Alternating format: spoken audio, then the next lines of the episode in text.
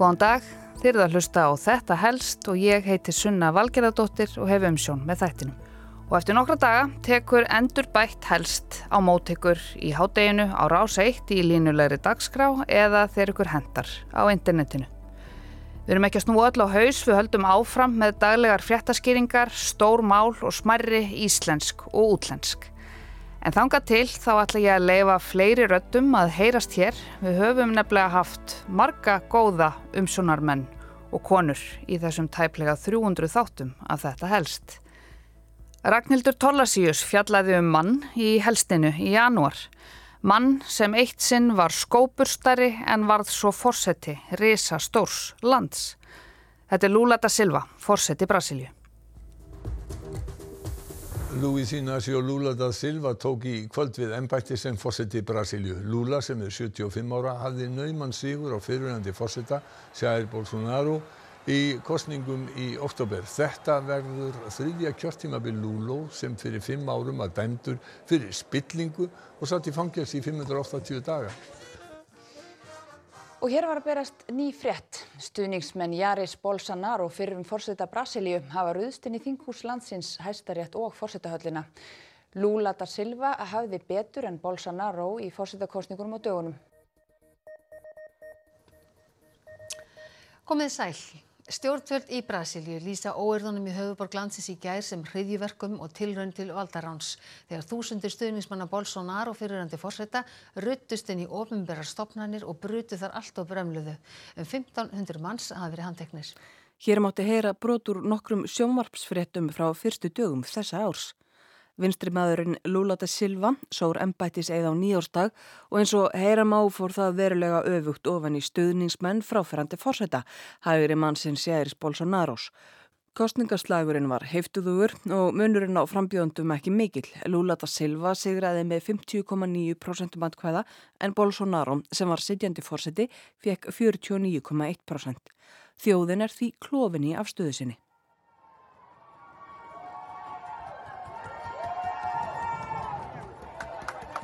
Innrásarliðið, nokkur þúsund manns, skemmti húsgögn og tækjabúnað og eðilagði ómeitanleg listaverki í eigu brasilsku þjóðarinnar sem voru í stjórnarbyggingunum.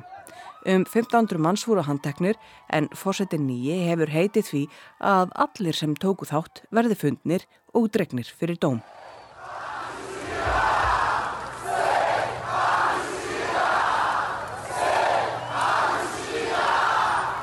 Á mánudag gengu týjir þúsunda um götur borga og bæja til að lýsa yfir stuðningi við líðræði og líðræðisleg gildi.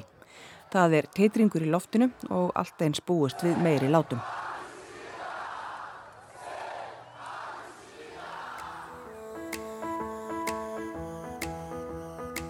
Það er óætt að segja að Lula da Silva hafi haft eindregin metnað til þess að verða fórseti Brasilju.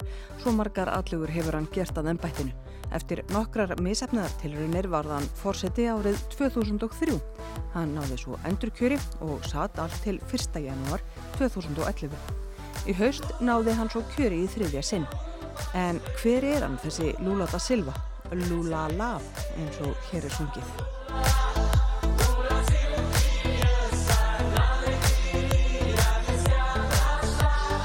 Luis Inácio da Silva er fættur í oktober 1945 í bæ í Pernambuco fylgi norðaustarlega í Brasilíum.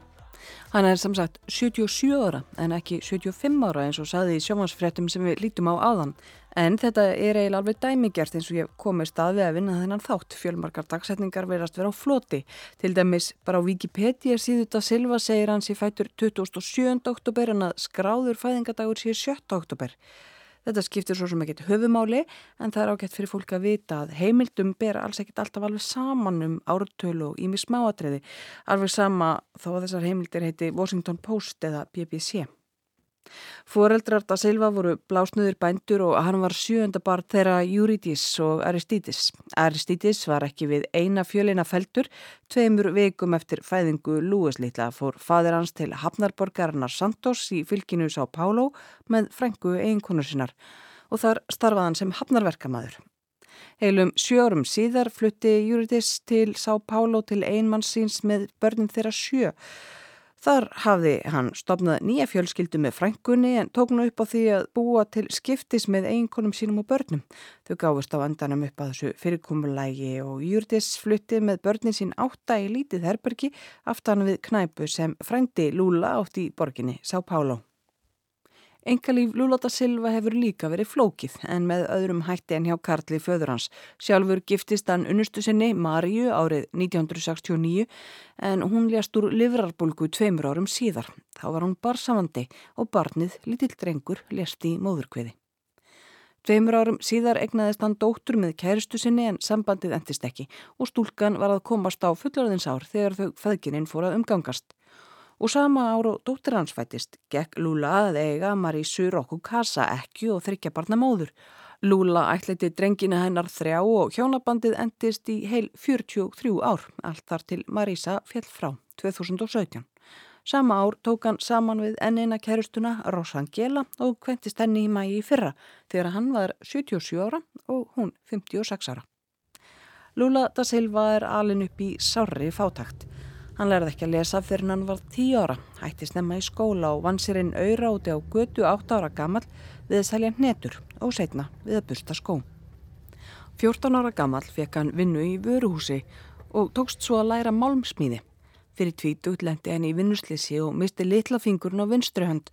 Hann þurfti að flækjast á milli fjölmarkra sjúgrahúsa til að fá læknisaðstóð. Lúla tók snemma þátt í verkalýsbaráttu en eftir dauða fyrstu eiginkonu sinnar heldi hann sér út í baráttuna fullum krafti og varð árið 1975 fóringi bandalags málmiðinaða manna, félag sem að hafi verið fremur hlýðholt stjórnveldum en hann náði að virkja baráttuanda félagsmanna og gera það sjálfstæðu og öflugu verkalýsfélagi. Og það var um þetta leiti sem hann leitt bæta gælunafni sínu, Lúla, við nafnið sem að hún var gefið í bernsku. Lúla skipulaði fjölmörg verkföll og skoraði herfóringjarstjórnina á hólm. Hann var dæmdur í einsmánaða fangelsi vegna þessa. Nokkrum árum síðar, 1980, sameinaði Lula da Silva verkalýsfóringja, mentamenn, listamenn, trotskíista og fleiri og stopnaði verkamannaflokkin. Í þrýgang bauð Lula da Silva sig fram til ennbætis forsetta og í þrýgang tapaðan. Framanna var flokkurinn rótækur en um aldamótin var að norðin nær því að vera sósialdemokrata flokkur. Fyrir kostningarnar 2002 lofaðan meiri segja að eiga samstarfið alþjóða gældarisjóðin. Lula klæti sig úr bildingalörufunum og í hugulegu jakkafött. Á þessum tíma gekk vinstri bilgja yfir í Suður Ameríku og Lula da Silva gekk betur. Í oktober 2002 var Lula da Silva kjörinn fórseti og tók við því ennbætti 1. janúar 2003. Það var mikil efnahagsleg uppsefla í landinu þarna vegna erlendrar eftirspurnar. Brasilia flyttur til að mynda út fartæki eins og flugvilar og bíla. Flytja út málma og matvæli, kjöt, kaffi, sigur og fleiri nöðsynjafurur. Lula da Silva gæt því mókað fyrir hyrslum ríkisins til velferðamála. Talið er að í valdatíð hans hafi tekist að fækka þeim sem að byggu við tekjur undir fátækramörkum í Brasilíu um 20 miljónir og það dró mjög úr hungri og barnaþrælkun og það er umtalsvert afreg. En úr því að svo er, af hverju var hann ekki kjörin með miklu meirluta aðkvæða núna þegar hann gaf kost á sér? Jú, það er þetta með spillinguna og við komum að því síðar.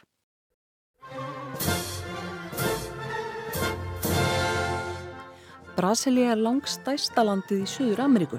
Það þekur um það byl helmingálfunar og er reyndar 15 landmestaríki heims. Þar búa um það byl 215 miljónir manna og Brasilia er eitt af 5-7 fjölmennistu ríkjum heims. Það fer svolítið eftir heimildum og hvernig þeir talið.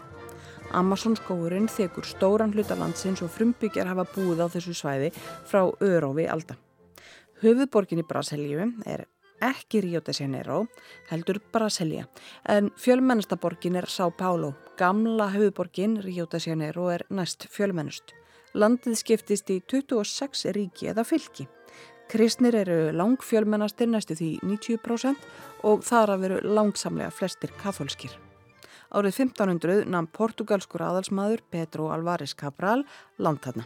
Næstu árhundruðin var Brasilia portugalsk nýlenda og því er portugalska tungumálið sem talaðir í Brasilíu. Tæplega helmingur íbúa landsins telst kvítur og hörund um 40% teljast blönduð af komundur kvítra á annara kynstofna, tæp 8% teljast svört og svo eru um það byl 1% af asískum uppruna og aðeins tæft prósent telst til frumbyggja landsins. Árið 1889 varð Brasilia líðveldi með forsetta en árið 1964 tók herin völdina vinstri stjórnvöldum og stjórnaði með harðri hendi, morðum og pyntingum fram á nýjunda áratvín þegar að borgarleiri stjórn var komið á að nýju. Og það er ekki síst þess vegna sem að mörgum rennur kallt vatn á milli skins og hörunds nú þegar að einhverjir stuðningsmenn fórsetans ferfinandi Bolsonarós kalla eftir því að herin taki völdin og komi í veg fyrir að Lula de Silva siti lengi á fórsetastóla á ný. Og nú komum við að þessu með spillinguna og setni fangelsistómin. Lula var feiki vinsæl í fórsetatíð sinni. Þegar hann leta af ennbætti fórseta um áramótin 2010-11 var samstarskona hans og náinn samstarsmaður Djúma Húsef kjörinn fórseti fyrst brasilískra kvenna. Hún var vinsæli eins og Lula og náði endurkjöri en svo snýrust spilin á hendi hennar. Snemma á öðru kjörtímabili tókað fjara rætt undan vinsældum djúmu. Efnags ástandi hafi versnað og ásakanir um spillingu örðu æg hávarari. Það var á þessum tíma sem að Lula var sakaður um að hafa lift spillingu að þrývast á meðan hann gengdi ennbætti fórsetta á árunum 2003 til 2010-11 og að hafa hagnast persónulega á henni. Honum var til að mynda að gefa það sög að hafa þegið luxusýbúð fyrir að hjálpa verktaka fyrirtæki að fá rísa verkefni og vegum ríkis oljufyrirtækisins Petrobras. Lula hjælt í fram að allur málatilbúnaðurinn ætti sér pólitíska rætur og miðaði að því að eiðilegja orðspór hans og spilla fyrir verkamannaflokki Brasilíu. Djúma Húsef gerði hann að ráð þeirra í ríkistjórnsinni að tala þér til að hann neyti fríðhelgi. Miljónir Brasilíumanna mótmæltu fórsetanum og spillingu í stjórnkerfinu. Lula var sviftur ráð þeirra tegn og Djúma Húsef varða láta af ennbætti. Árið 2017 fekk Lula langan fangilsistóm fyrir spillingu og peningaþvætti. Dómarinn Sergio Moro er umdeltur en Jair Bolsonaro gerði hann að dómsmálar á þeirra í ríkistjórn sinni sem tók við í ársbyrjun 2019. Lula satt aðeins brot af sér, var í fangelsi í eittu hóllt ár þó það sé langur tími í sjálfu sér. Dómurinn kom í veg fyrir að Lula gæti búið sig fram til forsetta í kostningunum 2018 þar sem Jair Bolsonaro vann en Lula var látinlaus haustið 2019 þegar að hæstiréttur Brasilíu komst að þeirri niðurstöðu að sagbortningar mættu ekki hefja afplánun fyrir en dómur í áfríunarmáli lægi fyrir. Það gildi um Lula da Silva og 5.000 aðra Brasilíumenn sem sleft var á haldi. Árið 2021 ógildi hæstiréttur síðan fyrri dóma yfir Lula vegna þess að dómarinn Sergio Moro hafði verið hlutrægur og hæstiréttur lísti því yfir að Lula hefði full pólitísk réttindi á ný. Hann bauð sig fram gegn Bolsonaro og núna er Luis Inácio Lula da Silva orðin fórseti Brasili á ný. En ekki blúsandi efnahagslegri uppseflu þar sem hann getur auðsið fjór hyrslum ríkisins til henn að fátæku heldur í niðurseflu og nýtur aðeins stöðnings helmingsþjóðarinnar og mikillar andúðar margra þeirra sem að honum eru ansnúnir bæð af politískum ástæðum og vegna þess að þeir trú ekki hann sé ekki spiltur, jafnvel þó að hæstirittur hafi ógilt dóminn yfir honum. Á Lula er að heyra að hann grunni marga en hann hersins og hallarinnar um að vera á bandi Bolsonarós og að hann ætli að reynsa til. Þetta var helst þegar Ragnhildar um Lula da Silva Ég heiti Sunna Valgerðardóttir og þakka ykkur kærlega fyrir að leggja við hlustir í dag og við heyrum svo hér aftur á morgun.